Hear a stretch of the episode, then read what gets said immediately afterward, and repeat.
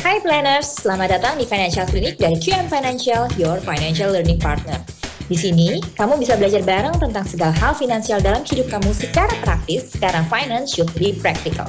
Hai, hai planners. Di sini ada Muti Juhari, financial trainer dari QM Financial, dan tentu saja ada Mbak Libina Hananto, CEO dan lead financial trainer dari QM Financial. Hey, how are you, Cie Cie? Cie Cie bahasa Inggris Cie. Hai Muti, hai, Hai. semuanya yang dengerin. Suara gue kedengeran aman gak sih? Belakangan ini rasanya suara gue makin berat. Apakah perbedaan cuaca? Oh, udah mulai agak bindeng ya. Di mana sih lagi di negara empat musim ya? Negara empat musim, ya. This tropical islander doesn't like the weather.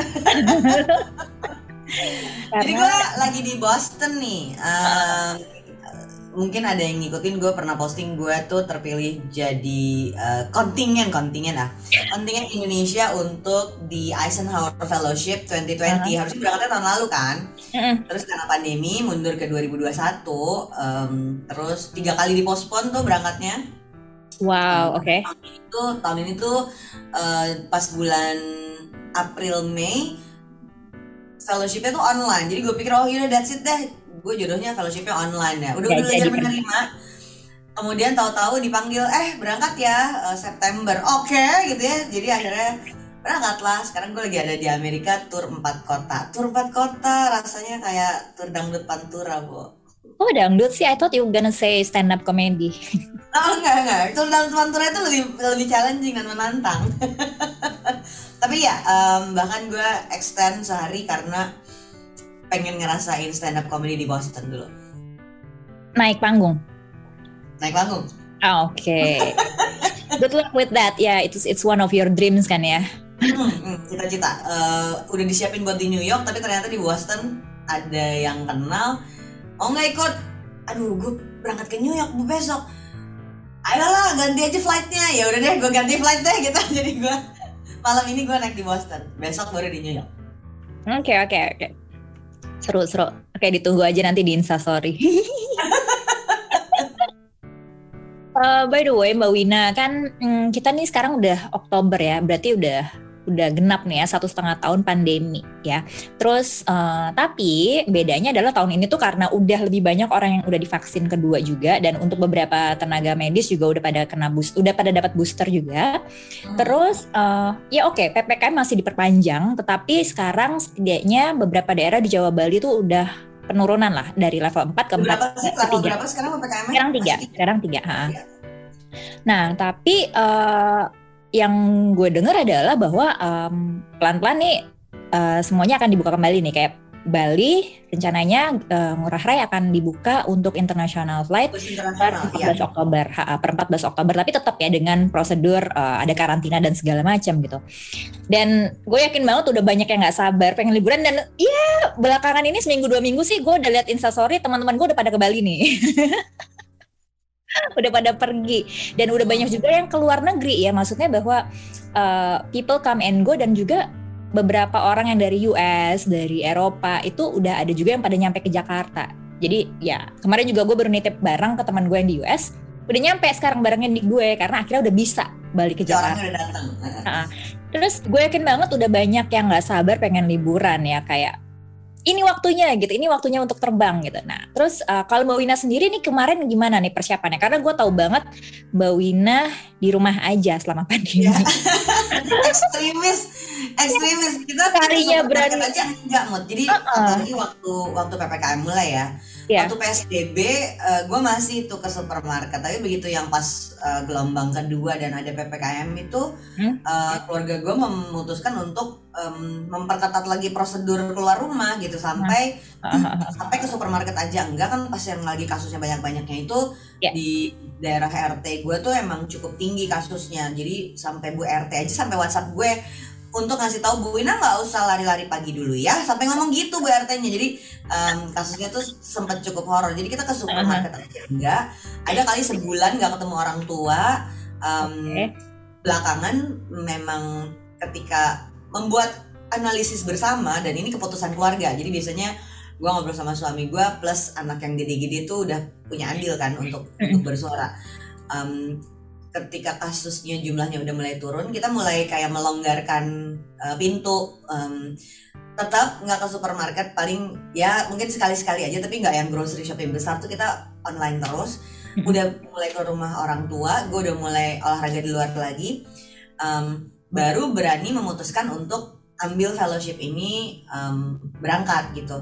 Mm-hmm. karena sebelumnya um, gue bilang sama program officer gue gue fellowshipnya online aja deh gue belum tahu gue berani berangkat apa enggak iya jadi meeting meeting gue di sini pun kebanyakan tuh online karena memang awalnya gue ragu-ragu buat berangkat persiapannya uh, tentu saja adalah gue tetap waktu itu nggak berani ngambil job-job offline uh, untuk menjaga exposure gitu jangan sampai yeah. beberapa hari mau berangkat gue malah um, amit-amit positif gitu.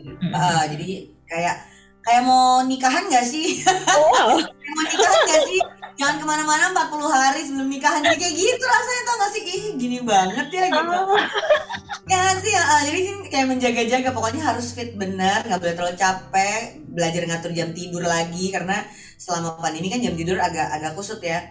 Uh, dan um, kalau kalau dengerin gue bikin podcast sama Mario kan yang judulnya semur kan di selain podcastnya sama Kiam ini ada tiga kan kalau kesehatan itu lo harus bener makan harus bener olahraga dan harus bener tidur. Mau jam kerja berapa panjangnya setelah kemarin uh, ribut-ribut jam kerja di Twitter? Ini tuh tetap harus kepegang mod jadi tiga ini tuh harus tetap kepegang dan ini nggak gampang untuk tetap pegang tiga ini. Jadi persiapan gue yang gue sempat khawatir banget adalah kalau gue jet lag gimana? Karena begitu jam tidur berantakan badan gue tuh pasti drop sekarang aja suara gue kayak gini tuh menurut gue nih badan udah signal capek loh. Lu capek ya. Kayaknya badannya udah signal nih lu udah capek nih udah. Kita udah dari hari apa ya berarti berangkat dari tanggal 25 ini pas kita lagi recording tuh udah awal hmm. Oktober. Mingguan lah ya. ya jadi uh, dari berangkatnya dulu ya um, untuk berangkat itu yang pertama disiapin tentu saja harus tes PCR jadi um, hari tes PCR itu gue berangkatnya uh, Sabtu dini hari. Gue PCR dari jam Jumat pagi um, ngambil mm -hmm. PCR yang cepat aja deh. Kan PCR tuh ada yang 4 jam ada yang berapa sih 12 jam gitu kan yang kita ngambil mm. -hmm. PCR cepat. Karena gue hari itu pamit-pamit dulu nih sama orang-orang penting dalam hidup gue. Gue mau berangkat gitu. Jadi kayak berangkat haji gitu kan. Kayak kayak bener kan? Kayak persiapan mau nikah tau gak sih? Kayak persiapan mau nikah uh, 40 hari sebelumnya jangan ke mana-mana. Terus um, ada midodareni um, izin sama orang tua gitu buat rasanya tuh kayak gitu. Dan uh, lucunya adalah uh, anak-anak gue ngantar laki gue ngantar tapi yang paling kecil memutuskan aku nggak mau ngantar. Kenapa kamu nggak mau ngantar? I don't wanna cry in public dia bilang gitu. Oh, dia punya EQ yang sangat tinggi sampai bisa memutuskan I don't wanna cry in public. Oke okay, gue bilang. Nah hmm. si um, orang tua gue yang lucu mereka sampai mau nganter ke airport padahal kan itu cukup malam ya gitu. Uh, uh. ini ini um, persiapannya tuh uh, sampai kayak gitu. Dan uh, nanti ya gue ceritain yang pasti pesawat nih gue ngapain. Uh, tapi jadi um, pas di airportnya tuh pakai masker uh, bukan masker yang biasa masker yang kayak satu level di atasnya gitu loh mau masker yang yang KF94 N95 ya namanya. N95 oke okay, huh? yang susah banget napasnya deh pokoknya ya. Gue tuh hmm. sampai bawa tiga masker.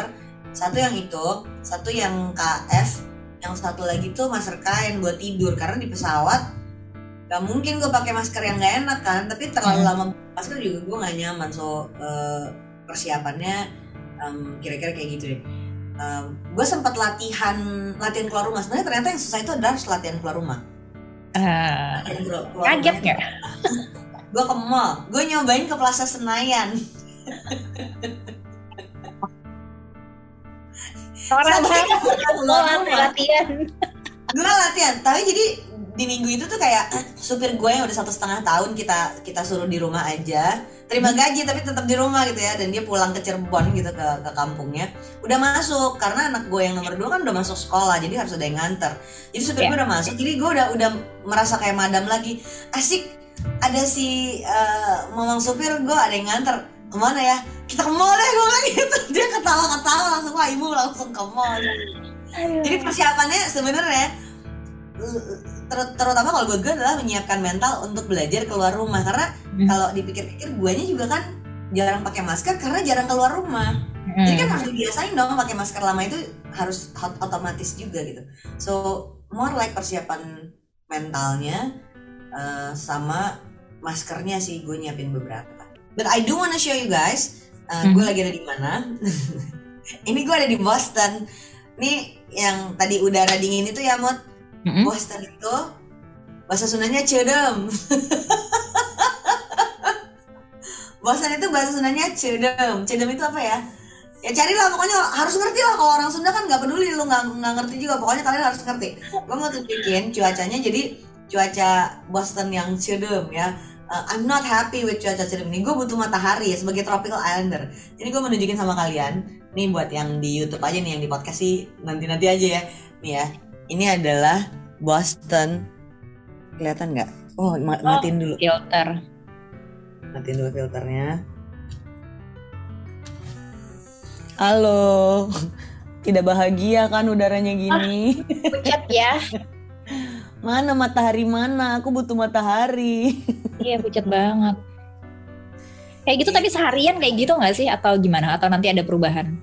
Iya, jadi temen gue sampai ngomong ini tuh agak-agak kayak London deh bilang. Gue kan belum pernah ke London, gue gak tahu. Tapi kata temen gue ini agak kayak ke London. Hmm. Gitar. So, okay. apa? Uh, persiapannya ke mental sama ke masker.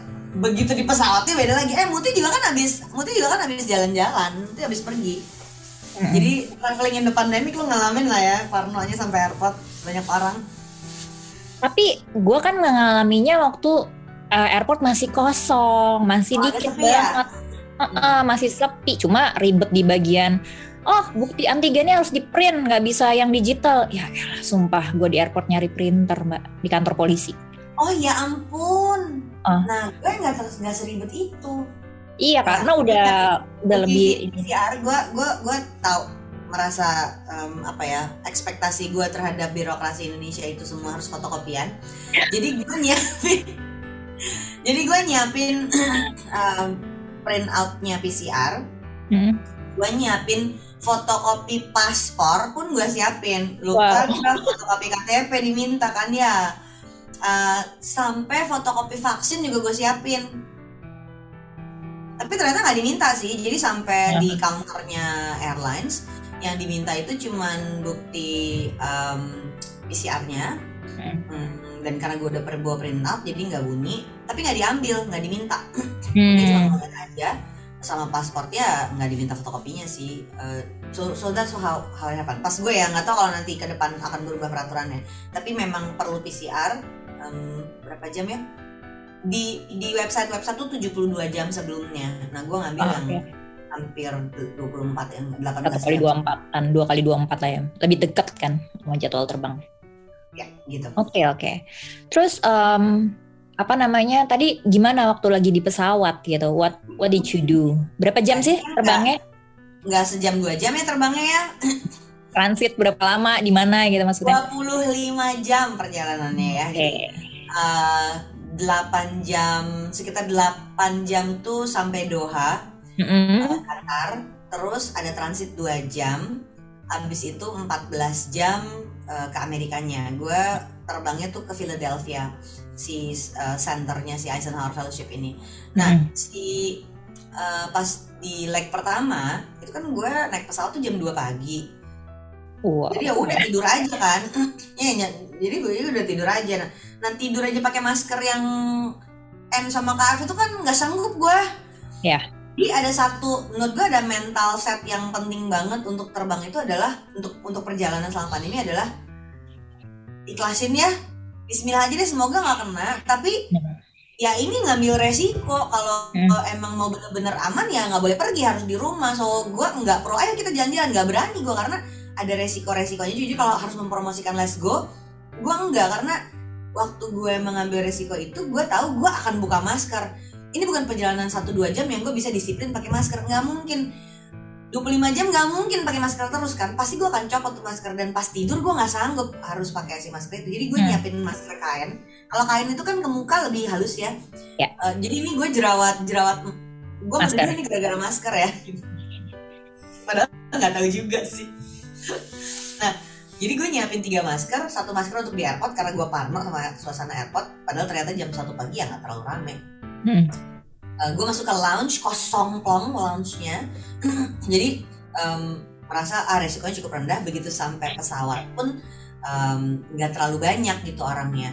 Jadi gue langsung tidur gue pakailah si masker yang kain.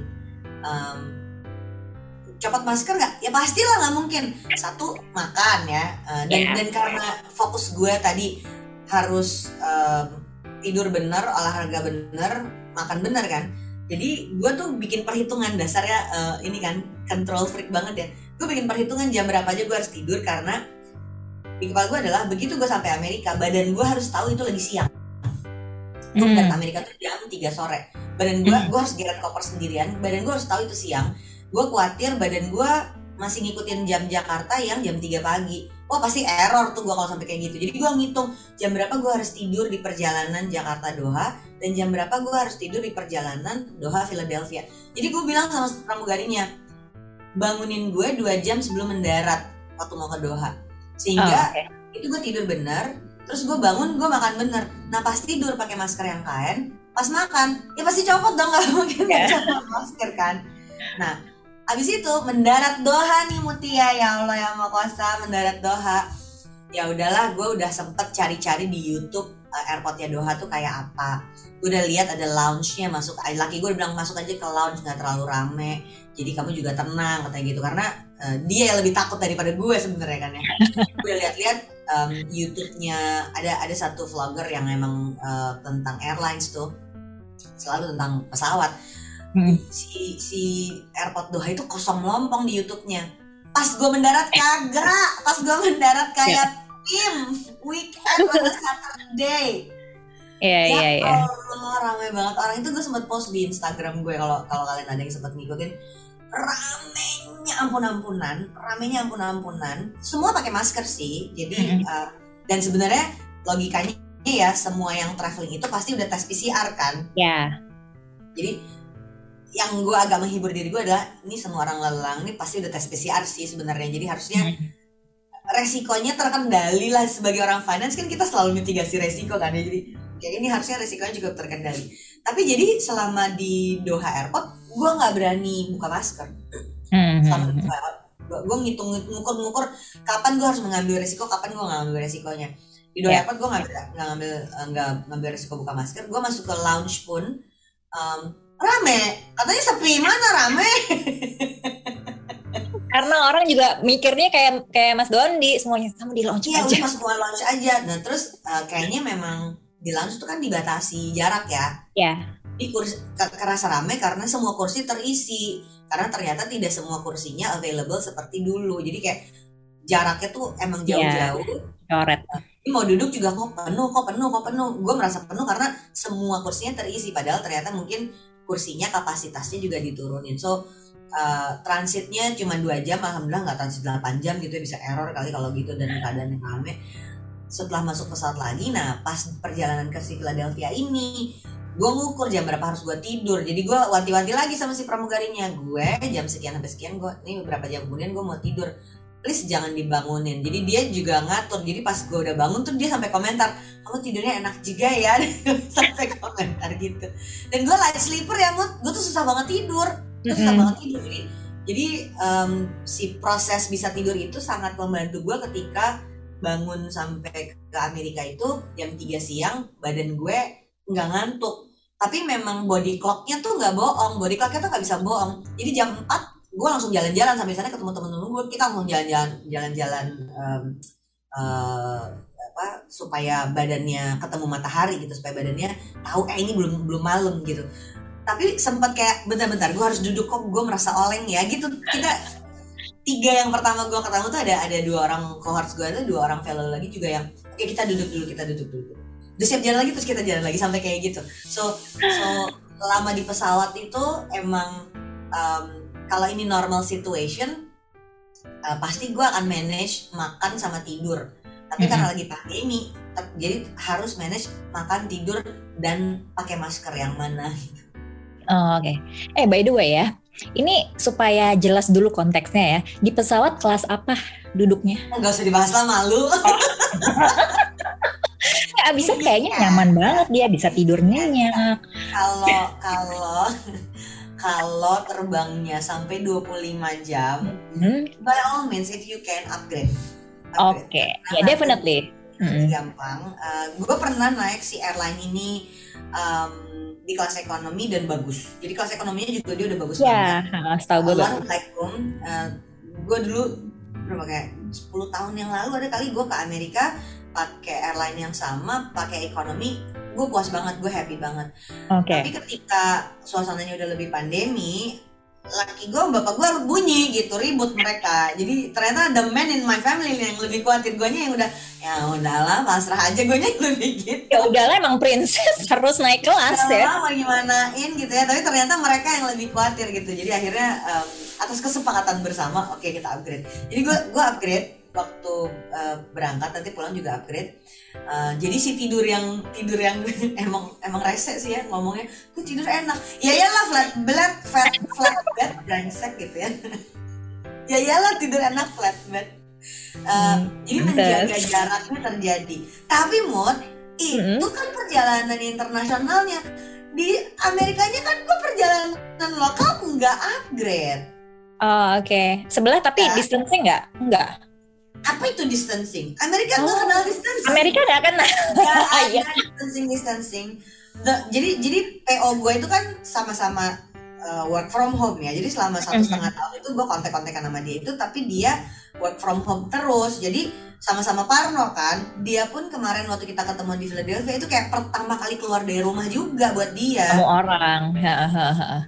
Ntar ini ada ambulans jadi suasananya Amerika nih kayak emang kayak Chicago PD gitu guys Seru-seru gitu. kayak kayak ini kayak law and order. Dikit-dikit ambulans Iya, iya, iya. ambulans apa sih gitu. Pas pas kapan tuh gue juga pas acara apa ya gue kemarin? Oh ada ada satu event gue ambil kerjaan dari Jakarta kan. Al- ambulansnya kenceng banget kedengeran sampai sampai klien klien kita klien korporasi kita yang mbak itu nggak nggak bisa dikecilin. Gimana mau kecilin gue bilang gue harus matiin gue harus niat gue bilang.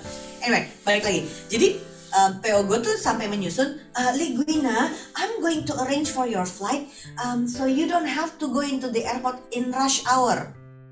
Hmm. ya really appreciate that gitu ya.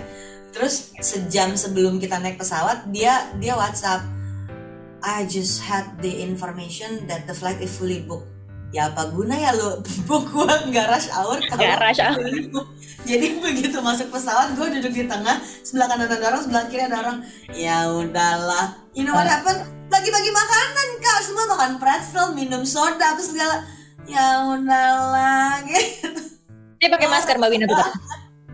horor banget. Kalau gue tuh horor banget. Tapi ya uh, so international flightnya gue feeling more secure dengan fasilitas yang emang jauh lebih bagus Hmm. Uh, tapi pas yang local flightnya tuh domestic flightnya tuh uh, pack banget rame banget banyak orang tapi semua masih semua mau pakai masker cuman ya gitu orang orang Amerika mukanya gede-gede ya pakai masker tuh suka merosot-merosot mood Iya, Jadi- gatel yang ngeliatnya di hidung. Uh-uh, cukup cukup menakutkan gitu mereka udah pakai masker aja menurut gue udah syukur Iya. Iya, iya, iya. Oke. Seru, seru. Ya bedanya ya kalau misalnya ini kan Mbak beneran ekstrim gitu, beneran yang tadinya diam di rumah harus terbang internasional ke negara yang bebas banget ngapain lu pakai masker gitu. mereka tuh ah, mereka tuh jadi prinsip gue ngeliatnya ya ini ini hasil observasi sotoy gue mereka tuh prinsip hidupnya adalah freedom jadi Mm-mm. jangan nyuruh nyuruh gue ngapa-ngapain gitu pokoknya gue akan memutuskan mau ngapain mereka tuh prinsip hidupnya begitu sehingga nggak bisa Mm. tuh dibikin peraturan gue ngerasa walaupun orang Indonesia itu memang ngeyel juga ya kita kan orangnya orangnya ngeyel gitu ya tapi Iya. gue ngeliatnya kalau kita tuh kalau pemimpin yang ngomong apa tuh masih ada yang nurut lah gitu Hmm. jadi di sini tuh harus ada legislasinya apa? Oh disuruh pakai masker? Apa? Basis hukumnya apa? Lu nyuruh nyuruh gue pakai masker gitu. Jadi kayak begitu gue nyampe Philadelphia itu gue culture shock. Eh, karena di Philadelphia itu gue keluar dari hotel kita mau jalan kaki itu kan itu kan eh, city center itu nggak terlalu gede ya jadi ya udah Hmm. jalan-jalan itu di sekitar city centernya aja semua yang outdoor itu nggak pakai masker so they are under the impression kalau outdoor itu aman nggak usah pakai masker karena ventilasi bagus kan gue kan gak gitu ya, boy. Itu kalau hadap-hadapan kan tetap kena ya. Jadi gue uh, kan jaraknya kan tetap ada. Ya, uh. Uh, uh, uh. Tapi emang so tempted. Ngapain pakai masker kan orangnya nggak banyak. Tapi kalau papas-papasan di jalan gitu, gue pakai masker. Tapi kayak duduk di taman, jaraknya jauh-jauh. Oh ya ini logis nih untuk buka masker aman nih. Uh, lari pagi, pas lagi lokasinya banyak orang, gue pakai masker. Tapi lagi kosong di jalanan kelihatan orangnya ada 8 meter depan gue yang gue nggak pakai masker ternyata hmm. di Amerika itu kan dia negara negara bagian ya jadi tiap tiap negara bagian itu beda aturan kayak Philadelphia itu Pennsylvania Washington DC sendiri ibu kota kan? Gue sekarang lagi di Boston tuh Massachusetts. Besok gue pindah lusa gue pindah ke New York. Itu New York sendiri. Nah ini empat state beda peraturan semua. Beda peraturan semua. Jadi oh gini ya. Mainnya gini nih ceritanya. Nah mereka baru bilang oh iya kalau di Philadelphia baru ada uh, peraturan lokal uh, mandat uh, city mandat jadi kotaknya bahkan bukan state ya city mandat okay. di Philadelphia harus pakai masker kalau indoor hmm. dengan catatan kalau indoor jadi begitu outdoor iya bebas semuanya ada so I seriously yeah. feel safer in Jakarta sih. Jakarta itu Jakarta itu pakai maskernya buat perhatiin ketat loh. Mm, mm, Outdoor yang turun-turun dari ke dagu satu dua lah, satu dua lah. Mm, Tapi almost wherever you go, Jakarta tuh orang karena kita udah ngalamin kondisi pandemi yang mengerikan banget kan, kan kemarin-kemarin kan orang tuh sadar harus pakai masker. Wah di sini parah deh. Ada satu ada satu acara mbak. Gue kebanyakan meeting gue kan online. Nah ada satu acara gue pergi ini ke acara itu. Terus di pintu gerbangnya di resepsionisnya gue ditanya e, kamu punya bukti vaksin apa enggak? Karena untuk masuk semua harus sudah vaccinated oh ada gue bilang gitu gue screenshot lah sertifikat vaksin gue dari app, app peduli lindungi kan It's in a foreign language, gue bilang, tapi lu bisa lihat ini vaksinnya apa, kelihatan dong vaksinnya apa. Dia, oh iya ya, oke. Okay. Terus dia bilang gini, semua di dalam tuh vaccinated, so feel free to take off your mask. Gimana mbak? nggak gitu main ya Bo mainnya nggak gitu mbak gue ibu-ibu mbak anak-anak gue vaccinated tapi kalau emang ada lagi wabah di di sekolah kena cacar ya kena cacar aja mbak. Jadi mbak, vaksin tuh gak 100% kan? Mbak lu gimana sih? Mbak gue kesel. Terus peer pressure-nya ya mut ya? Masuk ke ruangan itu semua orang nggak pakai masker? Ih dia udah pakai jilbab pakai masker ya exactly. Terus itu gue rasa ini kok rasanya kayak SMP ya? Kalau semua melakukan A semua harus melakukan A. Gue kan gak nyaman ya? Oke gue buka aja gitu masker gue gue buka masker gue terus gue pikir kalau sampai kena gue repot sendiri kok. Mereka mau orang Amerika. Lah gue kalau sakit di negara orang kan goblok ya. Kesel gue ya udah deh gue pakai lagi masker gue terus gue mikir kalau gue pakai masker gue kelihatan aneh. Terus gue mikir satu ruangan gue sendiri yang pakai jilbab. Ini kan pakai mas pakai masker nggak pakai masker gue udah kelihatan aneh kok. Eh, ya udahlah kok kok pakai aja maskernya. Bagus. Jadi ya berpendirian. uh, kalau kata ada ada sahabat gue SMP yang kenal gue dari SMP jadi tahu dari zaman gue masih pakai rok pendek gitu ya. Ini ada sahabat gue namanya si Jennifer dia tinggalnya di, di Minnesota. Jadi um, itu area-area yang uh, vaksinnya nggak terlalu tinggi dan kasusnya uh, masih agak tinggi. Jadi tadinya bagian dari tur 10 kota itu gue mau ke arah sana juga biar ketemu sama dia tapi karena um, lagi pandemi fellowshipnya nggak berani. Jadi fellowshipnya cuma di kota-kota yang East Coast aja. Nah dia telepon gue dong marah-marah karena gue nggak dateng kan. Lu udah di Amerika lu nggak bilang-bilang nah terus ngobrol lah sama dia. Terus gue ceritain lah kejadian. Gue pakai masker gak ya? Gue gak pakai masker gak ya? Gue pakai masker gak ya? Terus terus dia dia ngetawain gue karena e, Fer gue tuh pakai jilbab sendiri gue bilang. Jadi kalau gue takut aneh pakai masker ya udah lah ya orang gue pakai jilbab juga udah aneh terus komentarnya dia dan dia kan udah 25 tahun tinggal di Amerika ya. Komentar dia adalah gini. Kalau di sini Win. Lu mau pakai jilbab? Lu nggak pakai jilbab. Lu mau pakai masker? Nggak pakai masker. Nobody will challenge you dia bilang. Oke. Okay. jadi ada satu kelebihannya juga adalah lu mau pakai masker pun dan jadi orang yang paling aneh di satu ruangan karena lu pakai masker sendiri nobody will challenge you. It's your call. It's your freedom. Hmm. oke okay, okay. baik. Walaupun, walaupun gue tetap nggak setuju vaksin tuh nggak gitu. Cara ini kenapa kalian nggak ngerti sains sih? Gue kesel gitu ya. Tapi oke. Okay, bener juga. And nobody does. Jadi ketika gue ada di dalam ruangan pakai sendiri atau gue jalan-jalan di outdoor pakai sendiri gak ada yang tiba-tiba nyamperin Nyet ngapain lu? Pakai jilbab pakai pakai jilbab atau enggak ngapain lu pakai pakai masker? Nggak ada satupun yang mempertanyakan itu. So I found that very apa uh, liberating. Hmm. sehingga kita punya keputusan sendiri mau ngapain. Itu itu menurut gue penting. Tapi buat berarti informasi harus bener kan? Iya. Karena orang buat yang nggak percaya vaksin jadi punya kebebasan juga untuk nggak percaya vaksin gitu. Kalau di Amerika hmm. lebihannya itu kekurangan dan kelebihan sekaligus. Buat pembanding waktu gue kemarin di Bali itu ketika Delta lagi heboh oh, ya Juni ya, Juni sampai Agustus itu tuh gue kayak uh, duh ini gue serba salah juga kan pergi ke tempat umum tapi tetap masker pokoknya tetap maskeran. Tapi kalau ke restoran beneran. Oke okay, nggak ada orang gue makan di sini. Kayak beneran nyari yang outdoor nyari yang nggak ada orang. Tetapi begitu gue misalnya ke Ubud ya sorry tuh say bule-bule di sana nggak ada yang pakai masker. Ya mm -mm. Uh, dan kemudian gue berpikir ya udah gue take away aja udah cari aman lah seperti itu kan. Nggak mungkin juga gue men-challenge mereka atau kayak pas lagi pas lagi tinggi kasus soalnya lagi kan. Lagi ya. delta gitu. Dan kemudian ketika gue ke pantai canggu ya canggu tuh emang zona merah sebenarnya. Tapi gue kayak itu yang kayak uh, sebelum ppkm gue masih pergi tanpa masker ke pantai gitu ya. Di pantai. Begitu udah ppkm udah tiga mingguan uh, orang udah mulai berani ke pantai lagi dan pada buka masker. Jadi sekarang begitunya pantainya udah mulai rame, gue pergi mbak. Jadi kayak, eh hmm. kok rame sih gue pergi gitu. Dan ini, ini menurut gue juga uh, challenging karena kan uh, kebiasaan baru ya. Jadi hmm. kita, kita tuh ini ini baru lagi kemarin-kemarin itu kita mesti belajar harus di rumah aja. Ya. Terus nggak cuma sebulan dua bulan, setahun setengah loh. Sekarang hmm. tuh jadi kayak harus belajar cara keluar rumah dan harus Betul. belajar untuk traveling lagi. Sooner or later we have to do this kan. Kita harus kembali ke hidup sebelum pandemi. Um, mungkin nggak langsung, tapi kan akan terjadi gitu.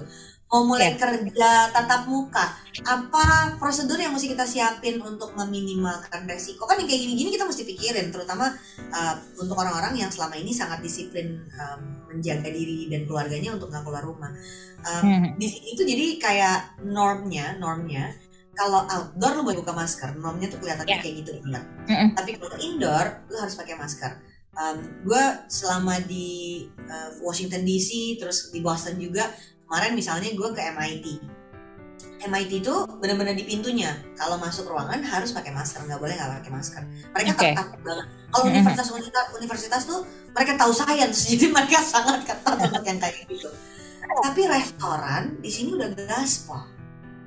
Restoran tuh gaspol banget. Di Philadelphia uh, sampai dibikinin sama pemerintahnya jalanan tuh boleh ditutup sebagian trotoar tuh boleh ditutup sebagian dibikinin kayak warungan gitu pakai pakai pakai uh, kanopi gitu ya? Oh, supaya orang boleh makan outdoor. Karena normnya adalah makan outdoor boleh buka masker. Kan makan nggak mungkin pakai masker.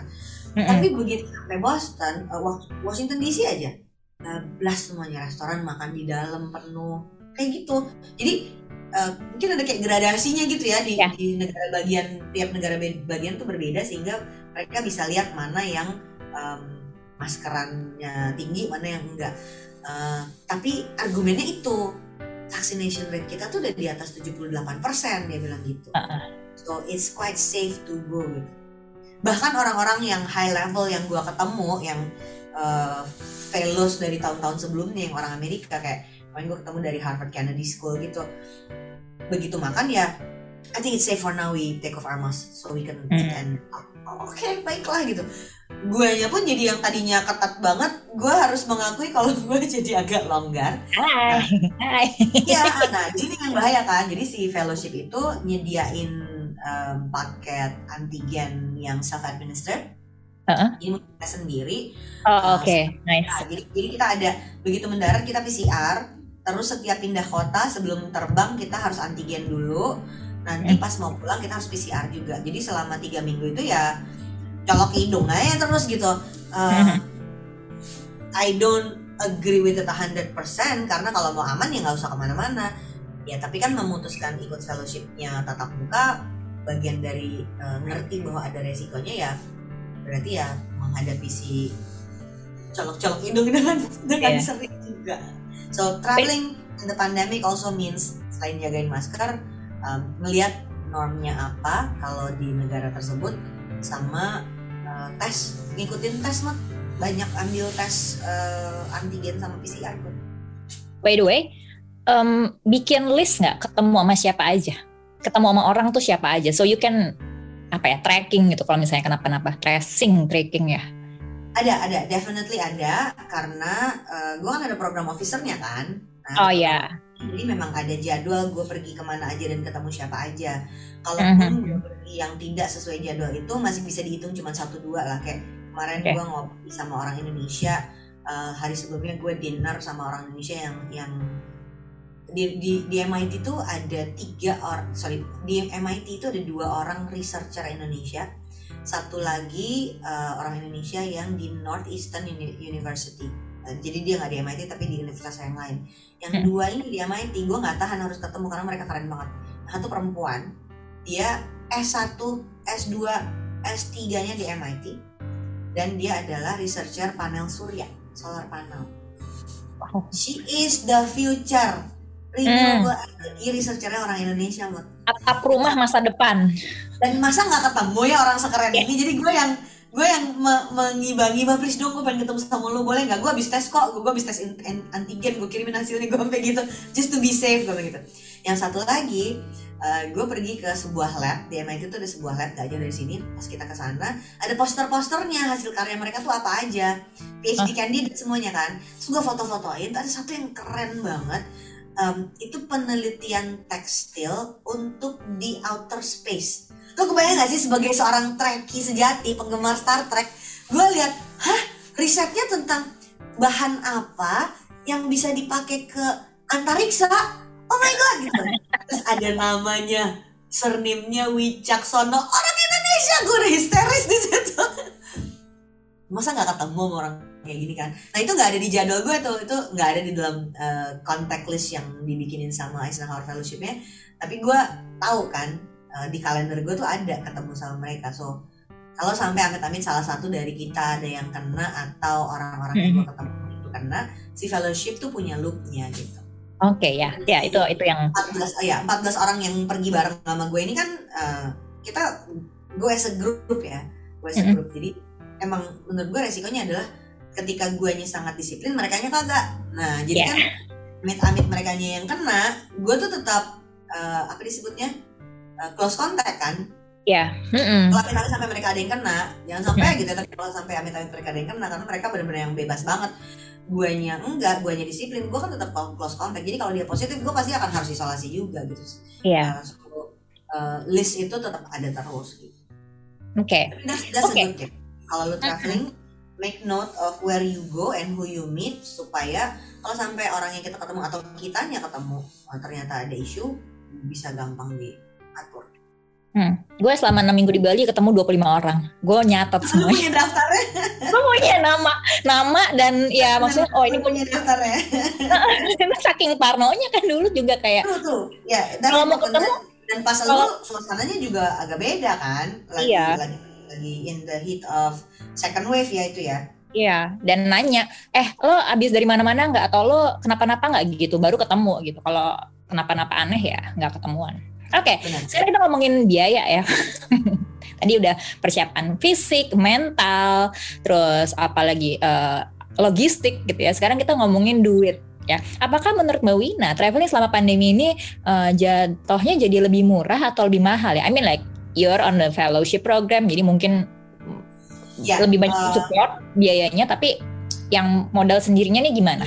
Si upgrade itu tidak semahal yang gue bayangkan. Uh, Oke. Okay. Jadi jadi uh, it's not bad gitu untuk perjalanan mm -hmm.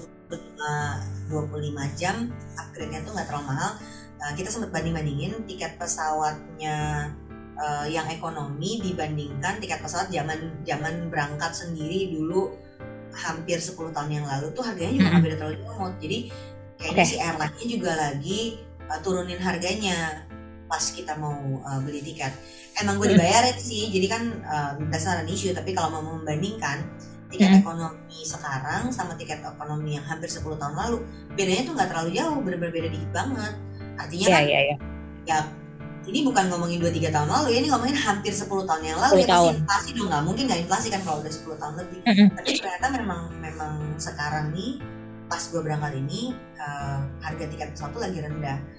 Hotel eh, ya walaupun ini gue dibayarin semua sama fellowship, tapi hotel itu selama di Amerika tergantung kotanya kayak Boston itu mahal banget. Boston tuh Boston tuh satu. Jadi emang kotanya kota mahal gitu.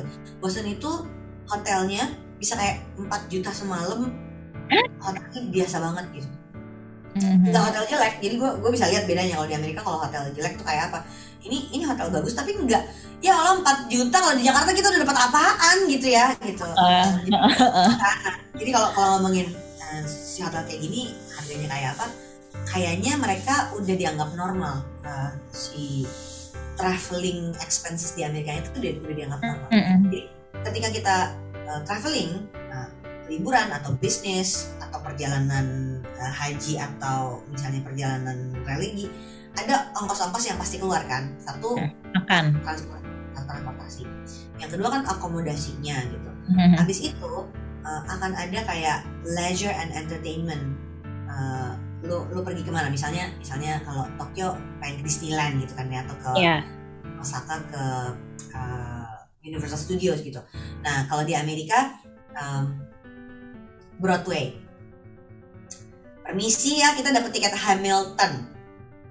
wow Permisi. uh. Dan itu Oke. nyarinya susah. Dan oke um, harga tiketnya tuh berubah terus. beda 5 menit harga tiketnya beda 50 dolar. Ah cepetan gitu. gitu. Jadi ada leisure activities yang um, mungkin kalau kalau teman-teman gue yang lain tuh pada clubbing lah apa, gue kan enggak ya. Terus kalau mereka kan minum kan, mereka minum alkohol, gue kan enggak. Jadi ongkos gue um, kalau leisure nggak nggak terlalu besar, tapi ada hal-hal yang emang bakal jadi mahal. uh, apakah masuk ke theme park atau ke mana? museum kemarin di Washington DC ada yang berbayar kalau yang private, tapi kalau yang punya negara semuanya gratis. Tapi satu yang gue belum pernah lakukan pergi ke New York itu adalah nonton musical di Broadway. Dan Hamilton itu kan salah satu yang terbaik yang dicita-citakan untuk pergi nonton. Pas gue tunjukin tiketnya anak-anak gue udah jerit-jerit semua gitu. Gue yang I gotta do this. Mahal-mahal deh cobain deh gitu. Jadi ongkos gitu itu. Satu lagi itu adalah um, ongkos untuk harian. Nah harian itu harian semua ya. Uh, si naik um, Uber liftnya di sini atau taksi atau pakai public transport, uh, makan, ngopi itu kan ada hariannya ongkos harian kan itu ongkos Mhm, semua. Terakhir yang orang suka lupa adalah asuransi. asuransi perjalanan ya Ya, you're traveling in the pandemic, be mindful about insurance karena Iya. kita nggak tahu sampai kita kena. Uh, gue memberanikan berangkat fellowship karena gue di cover asuransinya dan gue specifically nanya kalau sampai kena covid asuransinya cover semua aman dia bilang gitu Iya. mereka beli yang terbaik tapi dari Jakarta gue beli travel insurance juga just in case ada apa-apa um, koper hilang gitu amit-amit atau pesawatnya delay 8 jam gitu gue cover juga sama insurance-nya. Hal-hal kayak gini nih jangan sampai ketinggalan karena biasanya kita nah udahlah nggak saya cuma ke Singapura doang gitu misalnya. Padahal kan uh, risik- resikonya sama loh pergi ke Singapura sama ke Amerika kalau untuk uh, travel insurance ini. Uh, seperti itu. Nah balik ke akomodasi pulang dari Amerika ini gue harus karantina kan? Oh ya gue harus karantina dan ada listnya bu. Ada ada listnya uh, hotel-hotel apa aja mulai dari hotel yang bintang 3, bintang 4 sampai bintang 5 nah pilih-pilih tuh nah ini juga jadi isu karena tadinya gue ya udahlah kita sederhana aja. Terus temen gue jangan itu makanannya nggak enak kalau nggak boleh GoFood deh gitu. Jadi mesti ditanya gue nggak tahu peraturannya sebenarnya yang mana yang benar tapi temen gue ada yang tidak boleh GoFood sama sekali temen gue ada yang boleh GoFood GoFoodan selama karantina. Gue nggak tahu peraturannya yang benar yang mana. Tapi kan resikonya adalah kalau masuk ke hotel yang ternyata ngikutin peraturan tidak boleh GoFood dan dia makanan nggak enak. Tujuh hari delapan hari mateng aja gitu. So Jadi ya. kalau dibilang lebih mahal nggak traveling in to say yes orang Indonesia karena kita ada si karantina yang 8 hari. Ya karena gue ini dinas sebenarnya kan ini fellowship ini kerjaan dong di dinas. Gue bilang sama mereka gue harus bayar karantina yang harganya tuh hampir sama dengan tiket ekonomi loh gue bilang gitu. Will you pay for it? Ternyata mereka aman dibayarin juga. So ongkosnya ongkosnya emang uh, uh, lebih tinggi tapi kalau fellowship ini gue dibayarin tadi apa yang belum kesebut ya? Ada yang belum kesebut tuh ini shopping. Hmm. ada don't buat you mood tapi gue kalau traveling pasti shopping loh. Minimal beli oleh-oleh ya. Ya. Tapi yang kedua kalau ini lagi di luar negeri kan duty free. Duty free ya kesempatan gue beli kayak parfum yang gue mau yang di Jakarta lebih mahal skincare yang gue mau yang di Jakarta lebih mahal. Itu pasti gue belanja. Di Doha nih gue pasti akan belanja pas pulang. Tapi shopping ini yang menurut gue um, kita suka dangerous dan kebablasan. Jadi siapin lah budgetnya kalau traveling untuk shopping. Minimum oleh-oleh orang Indonesia masa nggak boleh oleh nggak mungkin kan? Gue yeah, gue yeah. uh, oleh-olehnya jadi yang korni-korni gitu yang yang lucu-lucu garing gitu kayak masuk ke co-opnya Harvard beli bolpen gitu. Masuk ke White House gift shop seru banget loh. Seru yeah, banget yeah, loh yeah, White yeah. House gift shop. Ada tea bag Madam Vice President. Oh my god kan gitu. Kamala Harris gitu kan udah deh nggak ngerti polisinya dia apa tapi uh, si gift shop gift shop kayak gitu yang yang akhirnya terjadi ya tentu saja harganya di Amerika kan jauh lebih mahal daripada Indonesia semua sih terasa lebih mahal. Cuman disiapin budgetnya untuk untuk si gift shop gift shop ini. So there is the Hamilton ticket yang astagfirullah mahalnya sama there is the gift shop yang kecil-kecil kalau di total lumayan juga ya gitu. Yang kayak gini-gini tuh harus disiapin way in advance Wow, oke. Okay. Kalau gitu emang berarti ada persiapan, eh, sorry, ada budget ekstra untuk kalau misalnya liburan pas pandemi ya. Terutama juga nanti kalau misalnya ngomongin urusan kalau keluar negeri ya, uh, kesehatan dan karantinanya itu ya yang harus disiapin ya. Oke, okay.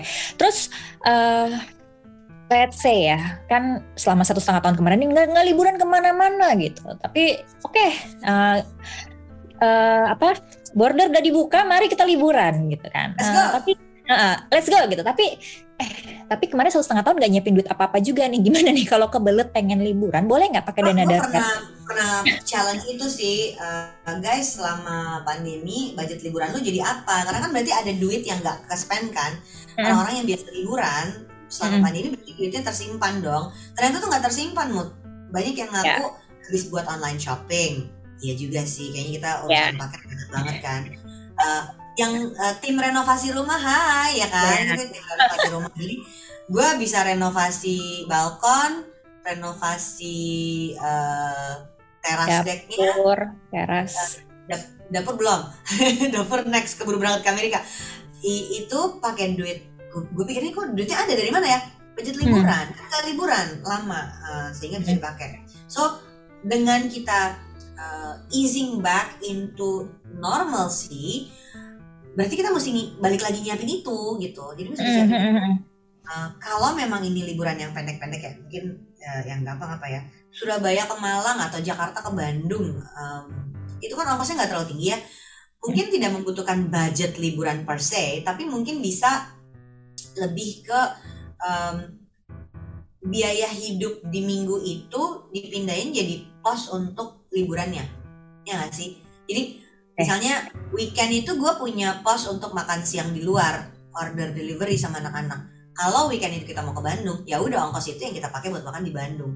Contohnya kayak uh, gitu. Tinggal kan yeah, ya kita membutuhkan budget liburan tambahan. Uh, kita ke Bandung yuk tektok aja gitu biar ngerasain makan yamin. Saking kangennya Bandung gitu misalnya ya. Kalau itu mau dilakukan sebenarnya kan ongkosnya nggak terlalu besar. Pakai nginep juga gue yakin nggak terlalu besar. Dibandingin sama misalnya oh selama um, uh, pandemi itu kita ada ongkos weekend keluar gitu itu bisa dipakai. Um, hmm. sama uh, kalau memang mau pergi yang udah pakai pesawat ya mau nggak mau harus disiapin dong karena nggak bisa cuma sehari kan. Kalau udah berangkat pakai pesawat pasti ini kita mungkin mau dua hari tiga hari lah. Enam minggu seminggu ini gue ngomong minimum. Seminggu gitu. Uh, kalau keluar negeri sayang kan cuma seminggu ya mut ya? Ya. 10 hari lah minimal kalau udah keluar negeri. Mungkin dua minggu bahkan. Um, hmm. dan gue ada temen yang karena mas kantornya sudah memutuskan masih akan flexi hour sampai eh, masih akan work from home sampai Desember. Dia sampai udah ngatur um, gue berangkat Eh, dan dia LDR jadi jadi pasangannya ada di ada di uh, Belanda gue berangkat lah udah nggak tahan gue satu setengah tahun gak ketemu. Bilang sama kantor ya gue work from home dari Belanda ya gitu. Tiga bulan berangkatnya. Nah yang kayak gini-gini kayak gini-gini kan mesti disiapin duitnya nggak datang dari langit ya.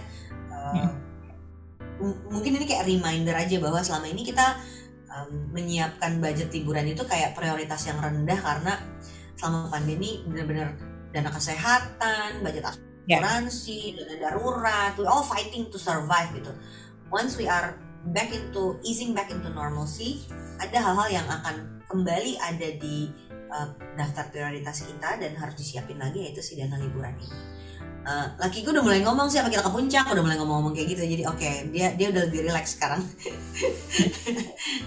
Dia udah lebih relax sekarang. Uh, kemarin sempat pergi uh, ke mall kayaknya sama sama anak gede. Dan kemarin sempat mampir yuk ke coffee shop di sebelah supermarket bawa si Ade tapi duduk outdoor nggak buka masker. Udah mulai belajar. Jadi jadi hmm. apa ya belajar keluar rumah plus belajar lagi nyiapin si dana liburan. Kayaknya ini gue sih sampai belajar lagi pakai kartu kredit karena gue gak pakai kartu kredit satu setengah tahun orang. Kartu kredit gue cuma dipakai kalau traveling. Untuk kehidupan sehari-hari kita pakai kartu kredit suami gue kan. Jadi gue nggak pernah hmm. pakai kartu kredit gue tuh bayangin gue sampai harus reset pin segala macem untuk oh iya. Mbak Wina emang. gue gue gue lagi urusan pin selalu paling tulalin gitu. si apa banget ya. Terus tapi lu bisa bayangin kan selama ini nggak pernah pakai kartu kredit mau traveling. Traveling tuh harus bawa kartu kredit. Di Amerika yeah. semua harus pakai kartu kredit. Masuk hotel mm-hmm. bondnya tuh pakai kartu kredit nggak ninggalin duit uh, berapa ratus dolar kan di resepsionis yeah. so we need to learn the ropes lagi jadi kita harus kayak apa sih traveling itu ya gitu iya yeah, gue harus belajar lagi nih traveling Wah bener-bener deh belajar check-in lagi. Ini bagasinya mesti diapain ya?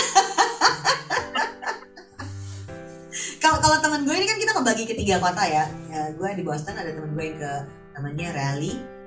Mereka sampai bawa mobil uh, belajar road trip dia bilang gitu. So, so, oh enak. Satu grup lagi ke Chicago. So uh, lusa kita semua ketemu lagi di New York. Seru seru seru. Jadi intinya hmm, sekarang uh, udah boleh nyisihin buat dana liburan lagi ya karena ya mungkin by di bersemangat gak sih? Bersemangat gak sih pembahasannya akan kembali ke dana liburan? Iya ya gitu gue, gue pengen gue pengen banget sih nyiapin itu lagi. Terus tapi yang jelas ini ya jangan jangan ngutang lah ya. No. no no ya Ya, jadi take your time. Gue uh, gue butuh waktu lama untuk akhirnya mampu. Waktu itu pertama kali gue pengen ke Bangkok gitu misalnya. Pertama kali gue pengen ke Singapura aja deh gitu ya. Singapura belum buka border sih ya. Pertama kali gue pengen ke Hong Kong pertama kali gue pengen ke Tokyo pertama kali gue pengen ke Amerika. Itu gue butuh waktunya lama banget. Tapi um, ketika dilakukannya karena duitnya udah ada dan ada proses kumpulinnya tenang gitu. Pulang tuh pulang tuh nggak ninggalin utang. Gue tuh selalu khawatir sama um, semua yang pengen instan uh, ah hidup kan cuma sebentar. Iya hidup cuma sebentar tapi ngutang itu nanti beresnya nggak sebentar juga gitu. So mari disiapkan cashnya. Oke, okay, jadi liburan tuh cuma bukan seneng karena yay berangkat gitu segala macam, tapi pokoknya semua harus disiapin dari uh, segala macam uh, perintilannya, logistiknya. Tambahan-tambahan selama pandeminya ya. Iya, fisik dan mentalnya juga, duitnya juga. Masuk tambahan-tambahan sama pandeminya kayak apakah akan ada karantina, apakah oh, iya. harus uh. tes tes itu kan jadi nggak bisa. Wah, masuk liburan harus ya emang udah bagian dari peraturan. Iya. Nyiapin maskernya uh, dan dan mungkin kan jadinya nggak bisa apalagi buat anak-anak yang unvaccinated Hmm, belum bisa malah. Ke warungan lagi kayak biasanya kan kalau kita traveling ya udahlah kita makan di warungan aja nggak apa-apa. Mungkin nggak bisa lagi kayak gitu karena lu bawa anak lo jadi mungkin lo akan pergi ke tempat-tempat yang sedikit lebih mahal dengan catatan mereka prokesnya lebih bagus dan jaraknya lebih lebih lebih lebar mungkin kayak gitu. Itu akan mengubah budgetnya loh. Hmm. Tapi ya mem memang yang sekarang lagi diresahkan oleh masyarakat kan anak di bawah 12 tahun karena belum pada kebagian vaksin jadinya mereka nggak bisa pergi ke mana-mana. Ini orang tuanya yang resah aku ya, nggak bisa ngomong nggak bisa ke mana ya. kasihan emang. Kasihan sih emang. Kan prioritas kesehatan tetap harus nomor satu. Ya betul betul betul. Jadi intinya let's, let's go let's ease back into normalcy. Tapi please jangan lupa risikonya masih ada. Jadi gue sekarang traveling dengan penuh kesadaran bahwa ada risikonya loh. Jadi, mm -hmm. yeah. jadi ya berhadapan sama tinggal gimana mitigasi risikonya uh, nggak nggak ada yang mau juga sakit kan ya jadi terus mengupayakan untuk oke okay, ntar lo ini kayaknya nggak aman nih gitu um, tapi kan sengaja berangkat liburan tuh berarti kita juga sadar ada resiko-resiko. Ada resiko. Hmm, itu juga yang gue sadari. Pokoknya gue pergi take a break from Jakarta, uh, tetap jaga protokol kesehatan meskipun buka masker kalau di pantai, tapi ya udah. Uh -uh. Nyampe Jakarta gue karantina sendiri di rumah dua minggu. Iya ya. Nah hal-hal kayak gitu kan, uh, yeah. mindful sama sama kesehatan diri lo sama keluarga lo juga. Mm -hmm. Terus tadi sorry ngomongin budget liburan ya, uh, kita masih bisa berharap pada duit dari mana lagi ya mbak ya kalau gue mencari celah nih uh, berharap dari duit dari bonus do extra work mod some people oh, okay. don't want to do some extra work kalau gue ya harus diupayakan nggak cukup duitnya dagang resolos nggak cukup duitnya yeah. lemburan. Ngecek karena THR udah habis kan? THR pasti udah habis nih udah Oktober. Bulan berikut ini mau ada apa? Bonus ada beberapa perusahaan yang ngeluarin bonusnya di akhir tahun. Kira rencana begitu di akhir tahun tapi uh, nggak semua perusahaan itu nyiapin kayak gitu kan? Oke. Okay.